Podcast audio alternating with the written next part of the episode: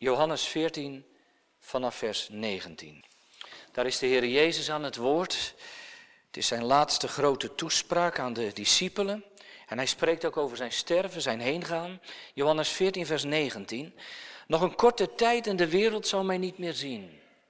Maar u zult mij zien, want ik leef en u zult leven. Op die dag zult u inzien dat ik in mijn Vader ben en u in mij en ik in u. Wie mij geboden heeft en die in acht neemt, die is er die mij lief heeft. En wie mij lief heeft, hem zal mijn Vader lief hebben en ik zal hem lief hebben en mijzelf aan hem openbaren. Judas, niet de Iscariot, zei tegen hem, Heere, hoe komt het dat u zichzelf aan ons zult openbaren en niet aan de wereld?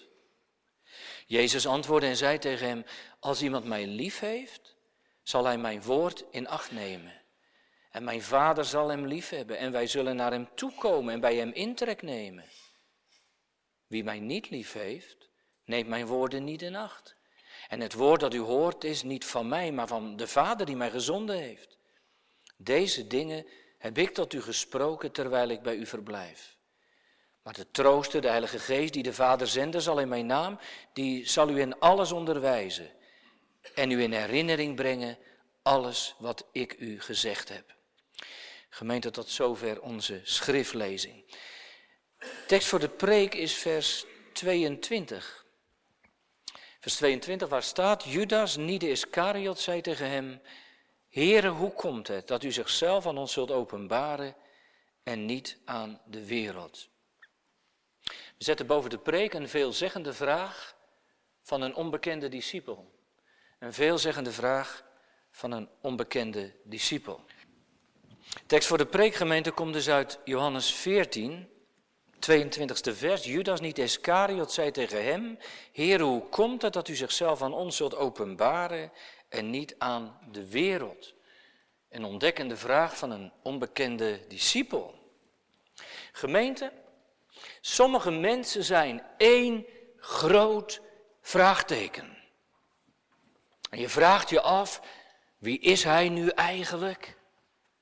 Wat moet ik me nou helemaal bij haar voorstellen? Je weet het niet goed of je weet bijna niks. En gemeente, dat dat onder de discipelen ook zo is. Dat mag toch wel als bekend verondersteld worden, toch? Van sommige die discipelen weten we alles, althans veel. Soms een bijna hele cv, Petrus bijvoorbeeld, waar hij vandaan kwam, Bethsaida, waar hij naartoe verhuisd was, Capernaum, dat hij getrouwd was, een schip had, visser was, een broer had. En zo weten we nog wel wat meer. Maar over andere discipelen weten we nagenoeg niets. Neem bijvoorbeeld die Jacobus, zoon van Alfeus. Alleen een naam. En, en bij de discipelgemeente die we vanmiddag tegenkomen, is het helemaal bijzonder. Deze man, deze discipel, heeft niet minder dan drie verschillende namen. Ik ga u dat zo meteen uitleggen. En het enige wat we van hem weten in de Bijbel, de enige woorden die van hem bekend zijn, dat zijn woorden die een vraag inhouden. Jongelui, stel je voor dat we niks van jou weten behalve een vraag. En drie namen. Maar daar moeten we het mee doen als het gaat over de man die we vandaag tegenkomen. Eerst dat eerste gemeente, die naamkwestie. In het gedeelte van Johannes 14 dat we vandaag hebben gelezen, heet deze discipel Judas. En meteen en zeer terecht schrijft Johannes de apostel erbij, nou niet die man uit Kariot, niet Judas Iscariot. Er zijn onder de discipelen dus twee mannen geweest met dezelfde naam, Judas. Ja, die ene die kennen we goed. Ik zou bijna zeggen, wie kent hem niet? Judas, de verrader. De penningmeester onder de discipelen. Degene die zo op geld was, die, die zijn meester verkocht voor dertig zilverlingen. En die dramatisch aan zijn einde kwam. Het leven niet meer zag en daarom zijn eigen leven nam. Judas. Als je die naam hoort, dan krijg je de rillingen over je rug. Maar vandaag komen we een andere Judas tegen. Iemand die nadrukkelijk door Johannes meteen van die andere Judas wordt onderscheiden. Nee, zegt Johannes, dit is niet de Iscariot. Spurgeon zegt daar iets heel moois. Die zegt, de Heilige Geest die draagt er zorg voor dat de naam van deze godvruchtige Judas niet verward wordt met die van de verrader. Om er vervolgens bij te zeggen, ons karakter, onze goede naam zijn in Gods hoede veilig. Dat is mooi, hè? Dat is mooi, gemeente. Dat God je onderscheidt van degene die bij Hem in een verkeerd daglicht staan. Als we allemaal een beetje dezelfde naam hebben, weten allemaal Adam, gevallen zondaren. En toch maakt God onderscheid. Tussen die Adams kinderen die die andere tweede Adam niet leerden kennen, Jezus. En die Adams kinderen die een nieuw leven kregen. Ja, God onderscheidt het, gelukkig. Ik, ik moest denken aan die man die ik eens ontmoette en die tot geloof was gekomen, maar maar uit een hele ongelovige familie kwam. Die, die naam van deze man, die familienaam was, was op dorp spreekwoordelijk.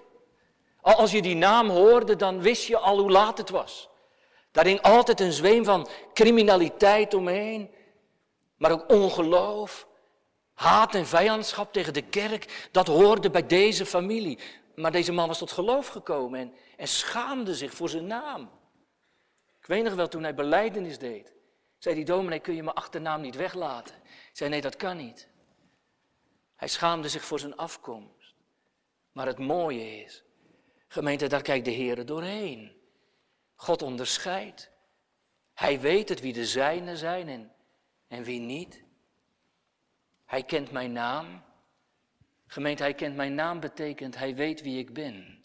Voor hem. Nou, dat wist hij van deze Judas ook. Judas gemeente, dat is overigens een hele mooie naam. Prachtig. Nee, nee, niemand gaat zijn kind ooit zo noemen. Ik, ik ben nog nooit een jongetje tegengekomen dat Judas in zijn naam had of in zijn doopnaam. Ik kwam pas wel een boek tegen van Astrid Holleder. Die een boek schreef over haar criminele en moorddadige broer Willem. En heel groot staat dan op de cover Judas. Nou, dan weet je wel hoe laat het is. Zo noem je je kind niet. En toch, en toch gemeente, die naam betekent iets geweldigs moois. Jongens en meisjes, dat heb je wel eens met namen. Hè? Sommige namen, jongens en meisjes, betekenen iets heel moois. Als je bijvoorbeeld uh, Nathan heet, dat betekent, jij bent door God gegeven. Of jij heet Johan, dat betekent, God is genadig. Dat is toch prachtig? Of, of Judas, Judas betekent hij die de Heere God looft of door God geleid wordt. Nou jongens en meisjes, op zich wel een mooie naam toch? Weet jij eigenlijk wat jouw naam betekent? Misschien betekent het ook wel iets, iets heel moois. Judas gemeente is mooier dan je denkt. Het betekent Godlover. Het kan ook betekenen de Heere leidt. Prachtig als je zo heet. Toch? Iemand die God looft. Iemand die door de Heer geleid wordt. Bij de voorbereiding van de preek heb ik gedacht, in die zin zou ik best Judas willen heten. Verlangend om, verlangend om door God geleid te worden.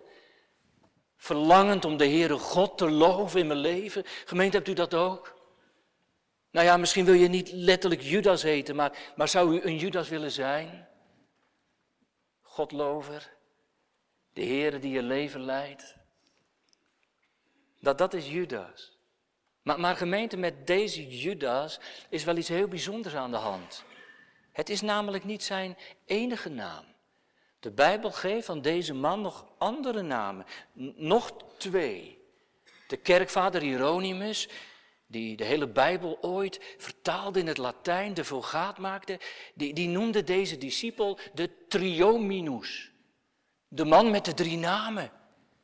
Marcus, Marcus noemt hem namelijk niet Judas. Die noemt hem Thaddeus. Dat is wel wat anders. En Matthäus. Matthäus, de apostel, geeft deze Judas helemaal een andere naam. Die zegt, hij heet Lebbeus, genaamd Thaddeus. De, dus, dus Judas, Lebbeus, genaamd Thaddeus. Gemeente, ik denk, ik denk dat Thaddeus en Lebbeus, dat, dat zijn bijnamen waren. Thaddeus is namelijk een Griekse naam. En Thaddeus betekent in het Grieks zoiets als borstkindje. Wij zouden denk zeggen moederskindje. Dat dat betekent Thaddeus. Moederskindje, borstkindje. En Lebbeus, dat is een Hebreeuwse naam. En dat komt van het woord leb, lef. Lef komt van hart. Lebbeus, jongelui, betekent uh, hartekindje. Dus Thaddeus betekent moederskindje. En Lebbeus betekent zoiets als hartekindje. Gemeente, misschien had, misschien had deze Judas wel iets heel teers. Iets heel kwetsbaars. Zo stel ik het me maar voor. Bijnamen in de Bijbel waren nooit zomaar. Als je zoon van de donder heette, dan, dan zei dat iets over wie je was. En als de Heer je als discipel de naam Petrus gaf, rots, dan zei dat over wie je zijn moest. Als deze Judas gemeente zowel Thaddeus als Lebbeus heet, dan kan het bijna niet anders. Deze, deze discipel moet iets, iets teers gehad hebben, misschien iets, iets kinderlijks bijna. Een discipel misschien die wat aan zijn moeder hing, zou zomaar kunnen. En gemeente, ik vind dat wel een hele mooie gedachte, wist u dat? Weet u waarom? Omdat tot nu toe in die discipelrij dit is de tiende discipel in die discipelrij, die als je die doorneemt tot nu toe, kijkt wie dat waren, waren het allemaal een beetje ruige, bonkige discipelen. In sommige discipelen zat zelfs iets hards. Terwijl deze Judas, zo verraden zijn bijnaam, waarschijnlijk juist iets zacht zat, iets zachtmoedigs. Wat trouwens ook blijkt uit de vraag die hij stelt, zult u straks wel merken bepaalt geen harde vraag. Maar waar zachtheid en mildheid uitstraalt. Judas. Judas, we weten alleen nog hoe zijn vader heet. Dat ook, dat zegt Lucas dan weer. Lucas zegt, Judas, het was de zoon van Jacobus. En daardoor weten we ook, gemeente, dat deze Judas niet de schrijver was van de brief van Judas. Zou je nog aan kunnen denken. De brief van Judas is gemaakt door de broer van de Heer Jezus. En Jacobus. En dit is een hele andere. Judas, zoon van Jacobus. Gemeente, hij lijkt dus anders te zijn dan de rest, zo verraden zijn namen. Anders, maar, maar hij zit er wel bij. En hij zit er wel tussen, tussen die twaalf. En, en hij is niet minder gemeente. Als de Heer Jezus spreekt over die twaalf witte tronen waarop de discipelen mogen zitten en, en straks met hem zullen regeren, dan, dan zit deze Judas op hetzelfde niveau en, en op eenzelfde troon als, als Petrus of, of Johannes of, of Jacobus. Gemeente, daar is geen enkel onderscheid, geen haarverschil met die grote mannen uit het evangelie en uit de discipelscharen. En dat is zo mooi aan Gods koninkrijk, aan zijn kerk. Zo gaat dat gemeente, ook binnen de gemeente. Ook binnen de discipelkring. Je, je had zeg maar, binnen die discipelkring had je uh, zonen van de donder. De Boanerges jongens. Johannes, Jacobus. Die mannen, weet u wel, die toen ze door Samaria gingen. En de Samaritanen Jezus geen onderdak gaven. Nou jongelui, Johannes en Jacobus, ze zaten in de hoogste boom. Meteen. Heren, zullen we vuur van de hemel vragen of ze deze Samaritanen dan maar direct verderven? Erg liefdevol klinkt dat niet. Johannes is trouwens minder liefdevol dan u denkt. Maar dat waren de stevige donderzonen. Ja, die waren er ook. En die heb je in de gemeente soms ook. Stevige gemeenteleden, ambtsdragers. Maar er zijn ook mensen, mannen, vrouwen, die de bijnaam Thaddeus of Lebbeus hebben. Toch? Dat zijn de zachtmoedigen. Dat zijn de stille. Dat zijn niet de mensen van de one-liners en van de uh, ingenomen standpunten. Dat zijn de mensen van de vragen. Want van deze man weten we alleen maar een vraag. Dat zijn de kwetsbaren. Misschien wel die moederskindjes, zo u wilt. Heel gewoon. Maar voor God, voor God net zo groot. Net zo nodig. De, de, de gewoonste mensen worden door God gebruikt in de buitengewoonste dingen. Zo gaat dat. Gemeente, daar valt bij God in zijn roeping nooit iemand buiten. Wie je ook bent, gemeente. En wat je ook bent. De Heer kan je gebruiken en erbij nemen. En wil je er ook bij hebben. Jongelui, ik weet niet hoe, hoe jij hier zit en of je ooit hebt gedacht of God jou erbij wil hebben en of jij wel past. Nou, dan heb ik nieuws voor je. Je past. God gebruikt zo en roept zo in ieder wie en wat je ook bent. Hij verandert je zeker. Maar hij wil de stille en de drukke, de grote en de kleine, de snelle en de langzame. Ook mannen als Lebbeus en Thaddeus. En ouderen, als ik dat dan even naar u mag doortrekken, de ouderen van de gemeente. Ik weet, en misschien komt het wel steeds meer voor, dat, dat de ouderen in de gemeente soms een beetje terugdeinzen voor de snelheid en de vrijmoedigheid en de luidruchtigheid van de jongere generatie. Dat kent u wel, hè? Maar moet u niet doen hoor, terugdeinzen. De Heer gebruikt het. De Heer gebruikt ook dat bedaagde, dat gerijpte, dat stille vertrouwen in van de ouderdom. Als de jongere generatie als een locomotief vooruit wil, stelt de oudere generatie vragen. Zult u dat doen? Nee, niet alleen zeggen dat alles naar het oude moet of weet ik het wat. In gesprek vragen stellen, je wijsheid tonen. Die zijn er ook. Zulke gebruikt God in het koninkrijk. En dat is, gemeente is zo mooi aan het koninkrijk van God en aan zijn volk. In de maatschappij ben je soms niet meer in tellen. Maar zo telt de Heer dus niet. Bij God is het zo anders, totaal. Die, die Judas gemeente, ik ben ervan overtuigd, hij, hij staat in dat rijtje van bescheiden mensen. Bescheiden vanwege zijn naam, bescheiden vanwege zijn vraag, bescheiden vanwege het feit dat we over deze Judas niets verder horen en weten. Eén klein berichtje in het evangelie. Eén. En dan gemeente wel eh, op een moment, op een moment dat zeer indrukwekkend is. Want Johannes 14 is niet zomaar een hoofdstuk. Het vindt wel plaats op een heel indrukwekkend moment. Johannes 14 gemeente, dan is het donderdagavond. Witte donderdag. Een dag voor het sterven van de heiland.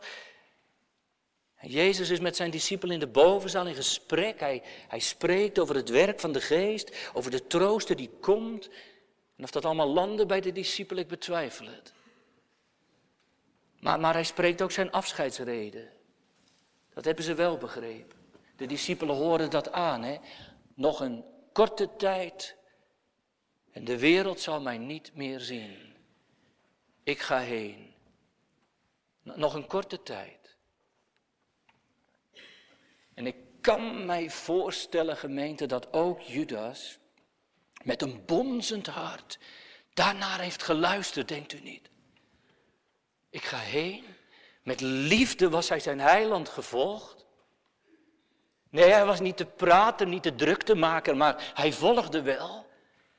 En, en toen er gezegd wordt, heren, wij hebben alles verlaten en zijn u gevolgd. God dat ook van Judas? Deze Judas.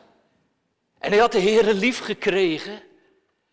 U hebt de woorden van het eeuwig leven en, en hij zal instemmend hebben geknikt. En zijn heiland gaandeweg steeds meer nodig hebben gekregen. Wat denkt u?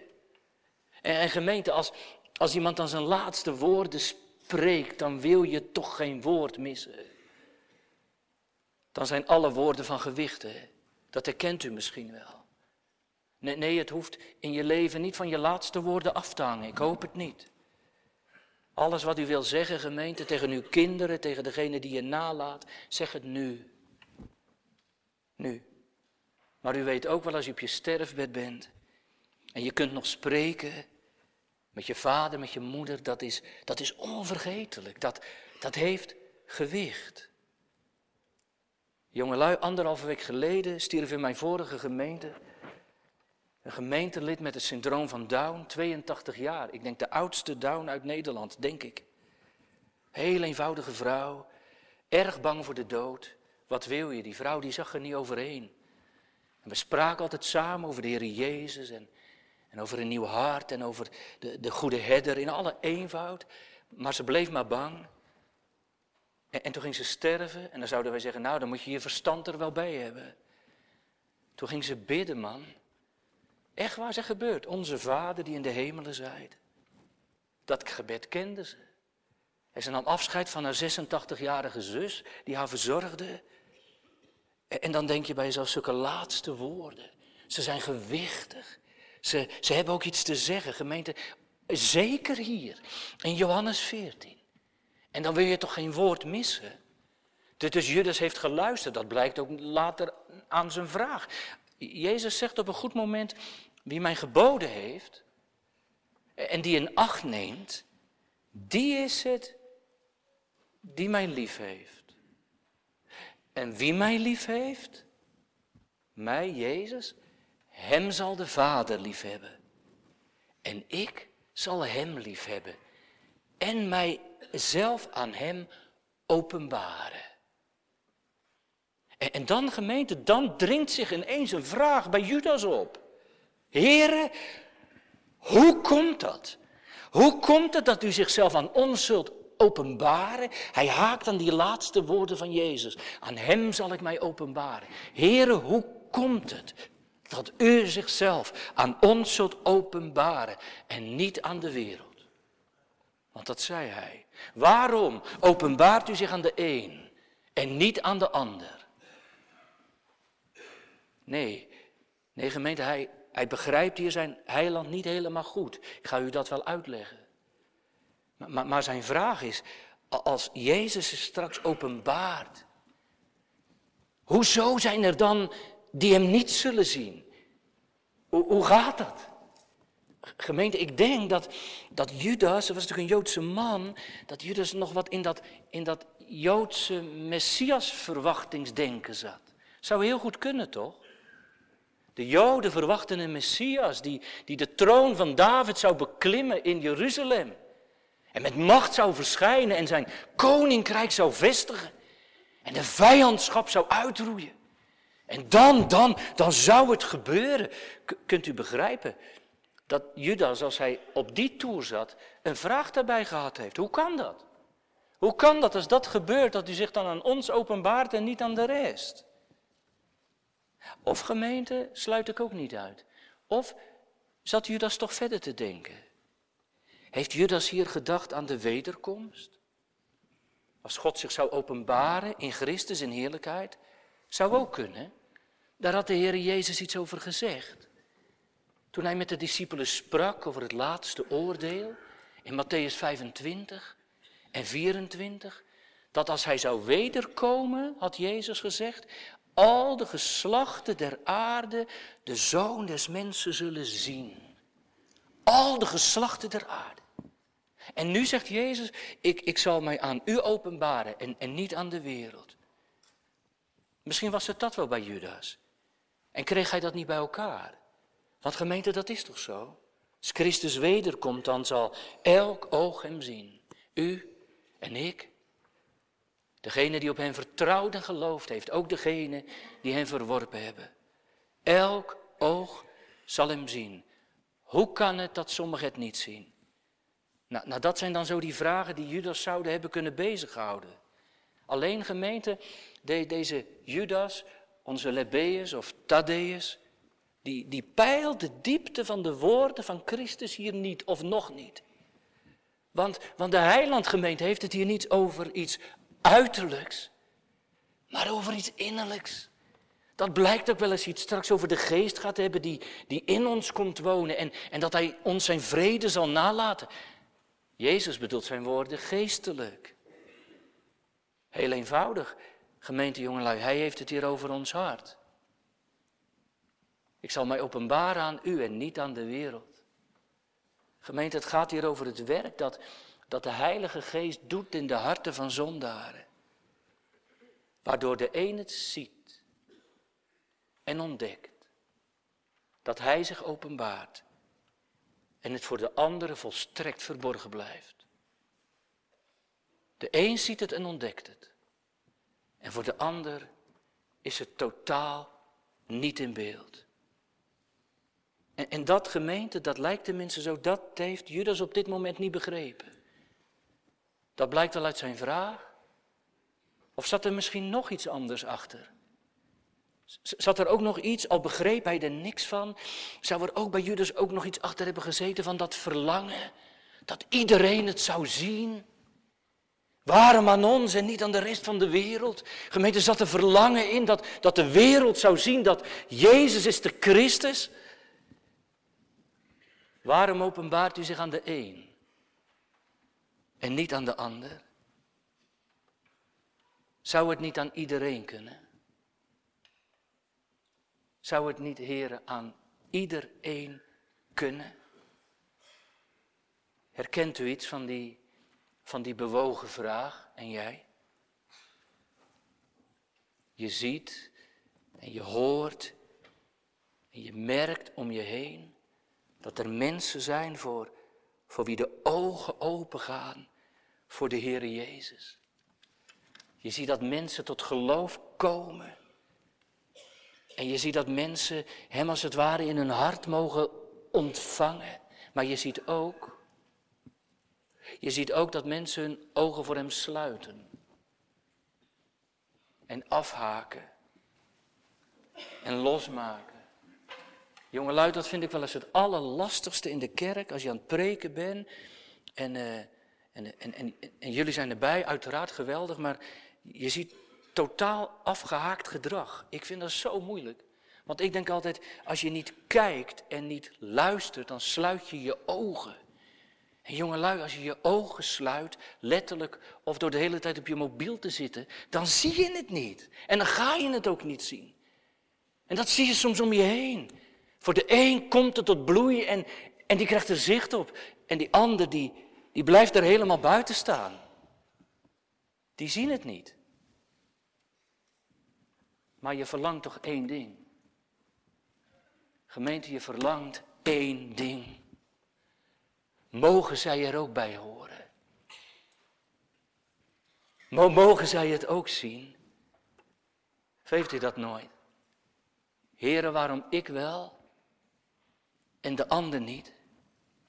Dat is toch niet een soort logica dat u zegt, ja, maar ik heb geloofd en ik ga trouw naar de kerk en ja, dan ontdek je het eenmaal. Zo werkt het toch niet? Heren, waarom ik wel en die ander niet? Waarom mag ik het zien? Mag die ander het ook zien? Ik moet dan altijd denken aan dat bekende gedicht, althans voor mij bekend van Pieter Baudard, een dichter uit de 18e eeuw. De ouderen kennen dat zeker wel, denk ik. Die zegt in een van de, zijn gedichten, Heere, waarom hebt gij mij verkoren? Waarom was het op mij gemunt? Waar er duizend gaan verloren, die gij geen ontferming gunt. Schoon gij ruim zo grote zonde hebt in mij als hen gevonden. Dus, dus deze dichter zegt, ik ben niet beter, ik had niet minder zonde. Het was hetzelfde laken en pak. Maar waarom hebt u het op mij gemunt? En waarom gaan er duizenden verloren? Gemeente, in die, in die vraag waarom hebt u het op mij gemunt, zit bewogenheid. Waarom kent u die ander niet? Gemeente jongelui, als je jezelf bij de Heer mag horen, en als Zijn genade je raakt, en als je ontdekt hebt hè, dat, je, dat je zonden zo diep en groot zijn, maar God daarvoor zijn zoon gaf,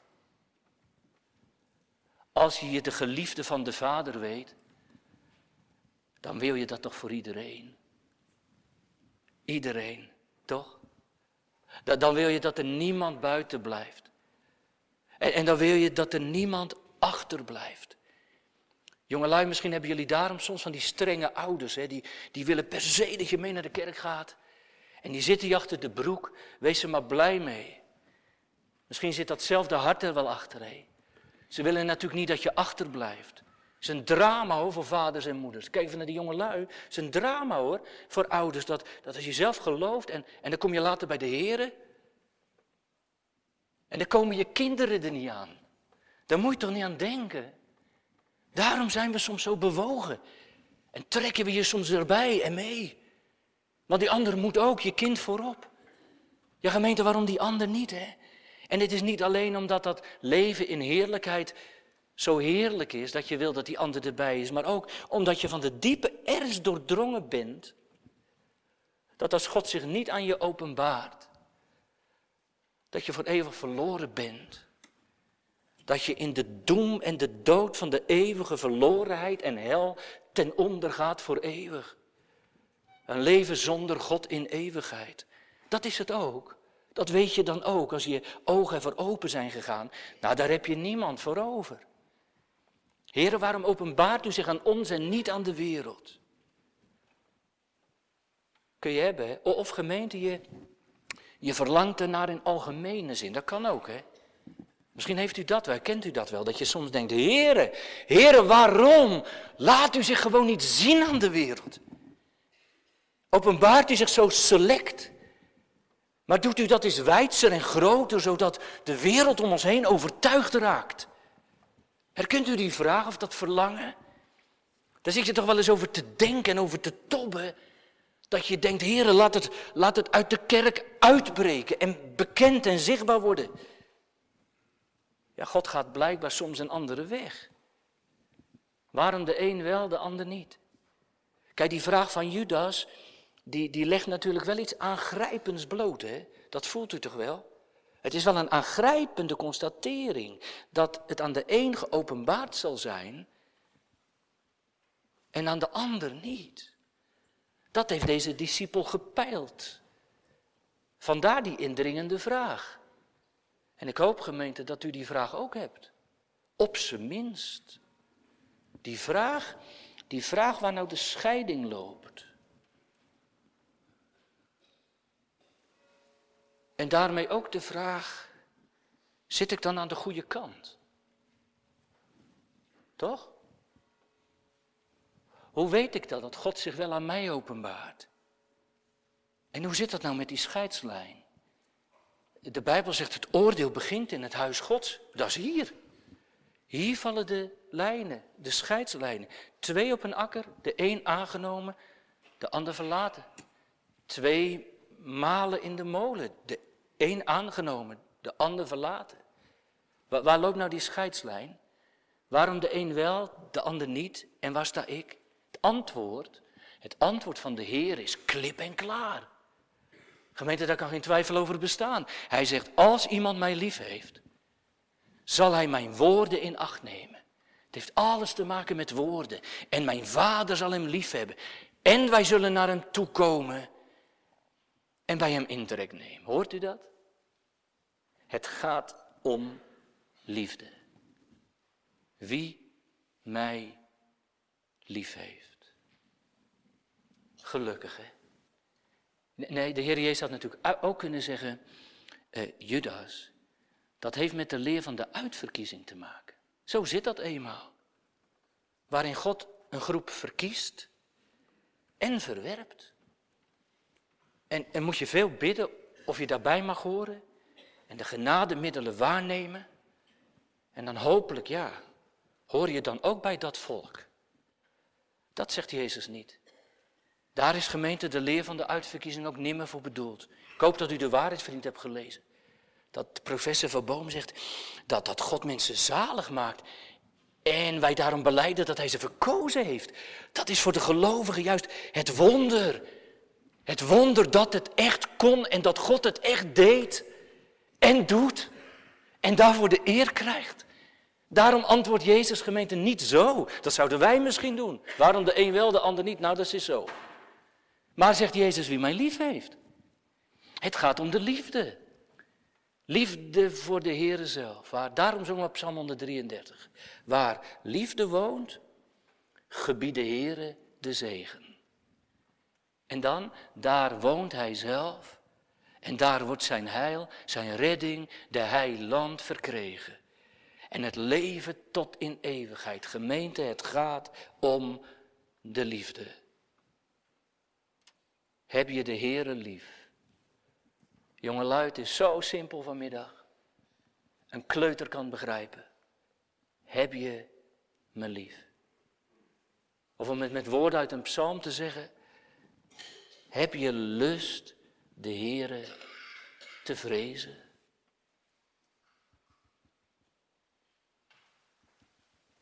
Dat is de vraag. Heb je lust de Heere te vrezen? Dan weet je het. Gaat je hart naar Hem uit? Is er een verlangen om Hem echt te kennen? Heb je verlangen om, om Hem te dienen? Liefde in je hart om voor Hem te leven? Verlangen naar Zijn komst, naar degene die mijn ziel heeft liefgekregen. De aller, allermooiste onder alle mensenkinderen, zegt de Bijbel. Waar je je ogen bij uitkijkt.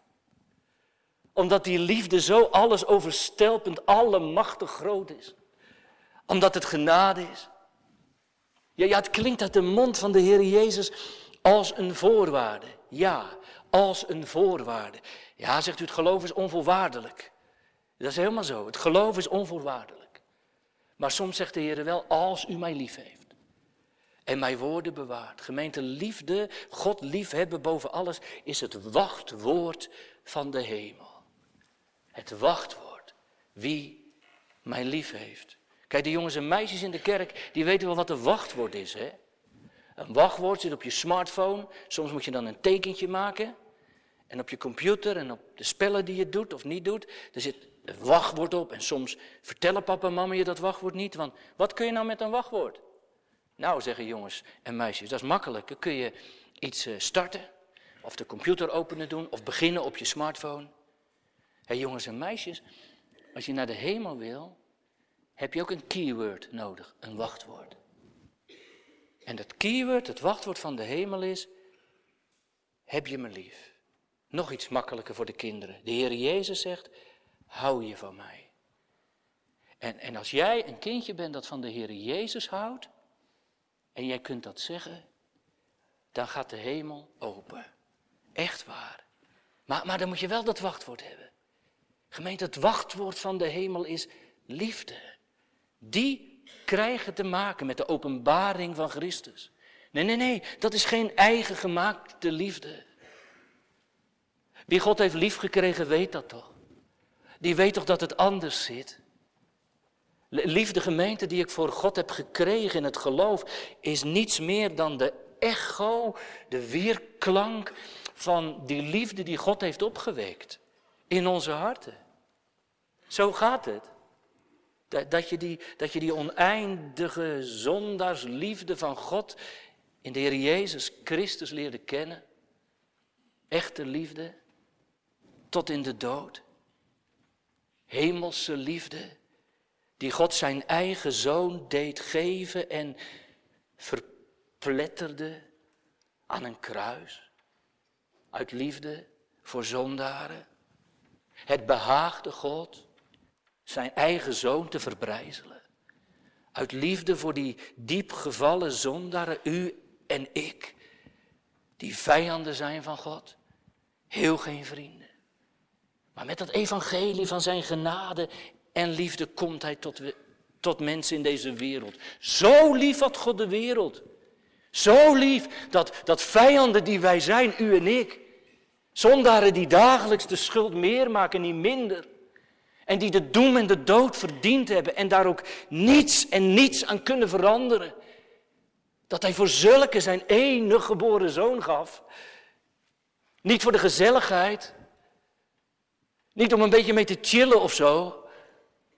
Maar, maar gemeente voor de zaligheid. Om je op te rapen en weg te trekken bij de dood vandaan. Dat. Jezus spreekt in Johannes 14 zijn afscheidsreden. Het gaat hier op zijn einde aan. Hij gaat sterven. Hij moet zaligmaker zijn. Dat heeft met deze liefde te maken. Er moet een oordeel voltrokken worden, uw oordeel. En jouw oordeel. En mijn oordeel. Het kon niet anders. Zo lief had God de wereld. En wie hem daarom lief krijgt en lief heeft. Kijk, die liefde, die liefde had Lebbeus genaamd Thaddeus, onze Judas, geraakt. Ja, hij had alles verlaten. Hij was zijn heiland gevolgd. Want tot wie moest hij anders heen gaan? Hij had de woorden van het eeuwig leven.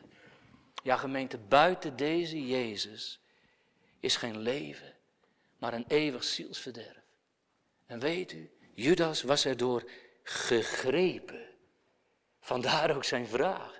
Want de gegrepenen willen niets anders dan dat anderen ook gegrepen worden. Hij had God lief gekregen en zijn woorden in acht genomen. Ja, ja, want dat gaat samen op. Hem liefhebben en zijn woorden in acht nemen. Even daarvoor had Jezus gezegd, gezegd en, en wie mijn woorden niet in acht neemt, wie niet bij mijn woorden leeft, die heeft mij niet lief. Gemeente, zijn woorden en de ontdekking van zijn liefde gaan altijd samen. Als je Bijbel niet open gaat en je niet leeft bij dat woord van God, wat je laat zien wat die liefde is, dan ga je het niet zien ook. Jongens en meisjes, even iets aan jullie uitleggen. Jullie weten wel wat een, uh, een 3D-bril is, toch? Weet u toch wel? Zo'n 3D-bril. Hij zegt raar, hè?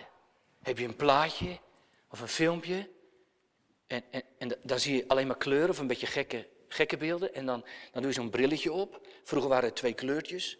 En doe je zo'n brilletje op. Een 3D-bril. Nou, dat is echt leuk. Dan zie je zo diepte. Dan komt er soms iets naar je toe gezwommen. Je ziet dingen die je zonder die bril niet zag. Kijk, in de kerk, in de kerk hebben we een 3B-bril. Met een B. Een 3B-bril. En weet je wat een 3B-bril is? De Bijbel. De Bijbel is een 3B-bril. Weet je waarom? Kijk, als jij uit de Bijbel leest en al die verhalen gaat kennen van de Heer, wat Hij zegt, dan ga je dingen geloven. Dan ga je dingen zien. Dat God er is. En de Heer Jezus. En dat Hij ook jouw hart wil en jouw zonde vergeeft. Maar, maar daar heb je de 3B-bril voor nodig. Drie keer B. De Bijbel. Uh, en dan ga je ook bidden. En uh, dan ga je je ook uh, bekeren. Je gaat anders leven. Zul je dat onthouden? De Bijbel is de 3B-bril. Ja, gemeente, zo eenvoudig is het. En wie bij dat woord leeft en door de geest, die, die gaat er iets van zien. Herkent u dat? Herkent u dat? Zijn liefde zocht mij teder. Omdat je het uit zijn eigen mond hoorde. Is mooi, hè? Is mooi, gemeente. Dan, dan gaat dat geloof als een, als een echo in je hart eh, liefde geven, lief hebben. En dan drink je zijn woorden in, zijn woorden, omdat je dorst hebt. Wie mijn woorden in acht neemt. Je krijgt dorst naar hem. En wat hij belooft, dat zijn ook woorden, zijn beloften, daar, daar klem je je aan vast. Wie mijn woorden in acht heeft, neemt, die heeft mij lief. Heer, u hebt het beloofd. Ik ben gedoopt. U hebt mij lief gehad als eerste en voorop. En u doet altijd wat u zegt. Het zijn uw woorden die u in mijn hart legde. U. En ik geloof het, ik kan niet anders. Kom mijn ongelovigheid te hulp. En als dat zo is, zegt de Heer Jezus, als je die 3B-bril van woord en geest op hebt en mij volgt, dan, dan gebeurt er iets van binnen. Gemeente, dan voltrekt zich iets in je hart. Mijn vader zal hem lief hebben. En, en wij zullen naar hem toe komen. En intrek bij hem nemen. Dan mag je een geliefd kind van de vader weten. Je bent een koninklijk kind door de vader bemind. Gemeente, dan, dan komt de Heer bij je thuis. Daar staat hij toch? Wij zullen tot hem komen. Straks komt de geest.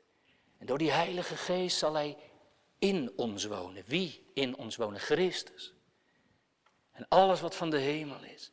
Wij zullen tot hem komen. Het Griekse woordje wat hier staat betekent ook zoiets als, niet alleen we zullen tot hem komen, maar ook zoiets als, eh, wij zullen ons aan hem openbaar verschijnen. Wij zullen verschijnen, wij, wij zullen zichtbaar worden. Je gaat het zien en merken. Ja, dan maakt God zich bekend. En dan mag je het zien en ervaren. Weet, je hoe wij dat zeggen? Dan, dan maakt hij woning in je hart. Dan, dan wordt dat hart veranderd en vernieuwd. Gemeente, en dan, dan is hij daar toch ook welkom? In dat, in dat hart, toch? Dan is hij ook welkom, omdat hij je meer waard is dan het fijnste goud op aard. Weg wereld, weg schatten, u kunt niet bevatten hoe rijk ik ben. Ik heb alles verloren, maar Jezus verkoren, wiens eigen ik ben. En wij zullen bij hem wonen. De wereld eruit en de Heere erin. Zo gaat het. De wereld eruit en de Heer erin. Als ik nog een keer met Spurgeon mag spreken, hij zegt, de vader en de zoon verblijven graag waar zij door ootmoedige en liefhebbende harten welkom worden geheten.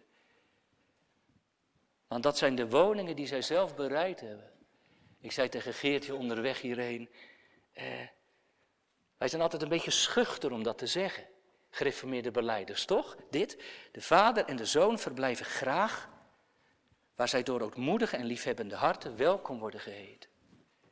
Want ja, dan denk je al gauw, Heer, mijn hart, heet dat dan u welkom? Ja, als de Heer dat in je leven doet en werkt, als dat woord aan het woord komt, als je die diepe rijkdommen van het geloof ontdekt. Jongelui, als de zonde eruit moeten, ja, dan verlang je ernaar dat, dat Hij zijn intrek neemt. Dan is Hij welkom. Gemeente, dat is het antwoord op de vraag van onze Judas. Waarom openbaart u zich aan de een en niet aan de ander? Het sleutelwoord, dat is liefde. Wie mij lief hebben en mijn woorden in acht nemen, die. En zo gaat het. En daar loopt de scheidslijn, zegt Jezus. En wie dat niet heeft, Jezus zegt, wie mij niet lief heeft, die neemt mijn woorden niet in acht. Dus, dus je kunt wel zeggen, ik heb Jezus lief, maar, maar je leeft niet bij het woord. Jezus zegt, dat gaat niet. Wie mij niet lief heeft, is degene die mijn woorden niet in acht neemt. Gemeente, die luistert niet. En die volgt niet. En die ziet hem niet. Die ziet Gods genade ook niet. Aangrijpend vind ik dat. Echt aangrijpend. Want gemeente, als je het dan niet ziet, dan blijft het verborgen voor eeuwig. Voor altijd. Dan sluit het toe voor altijd. En, en toen moest ik denken aan die andere Judas. Toch? Die andere Judas. Nee, nee, God kwam niet in hem.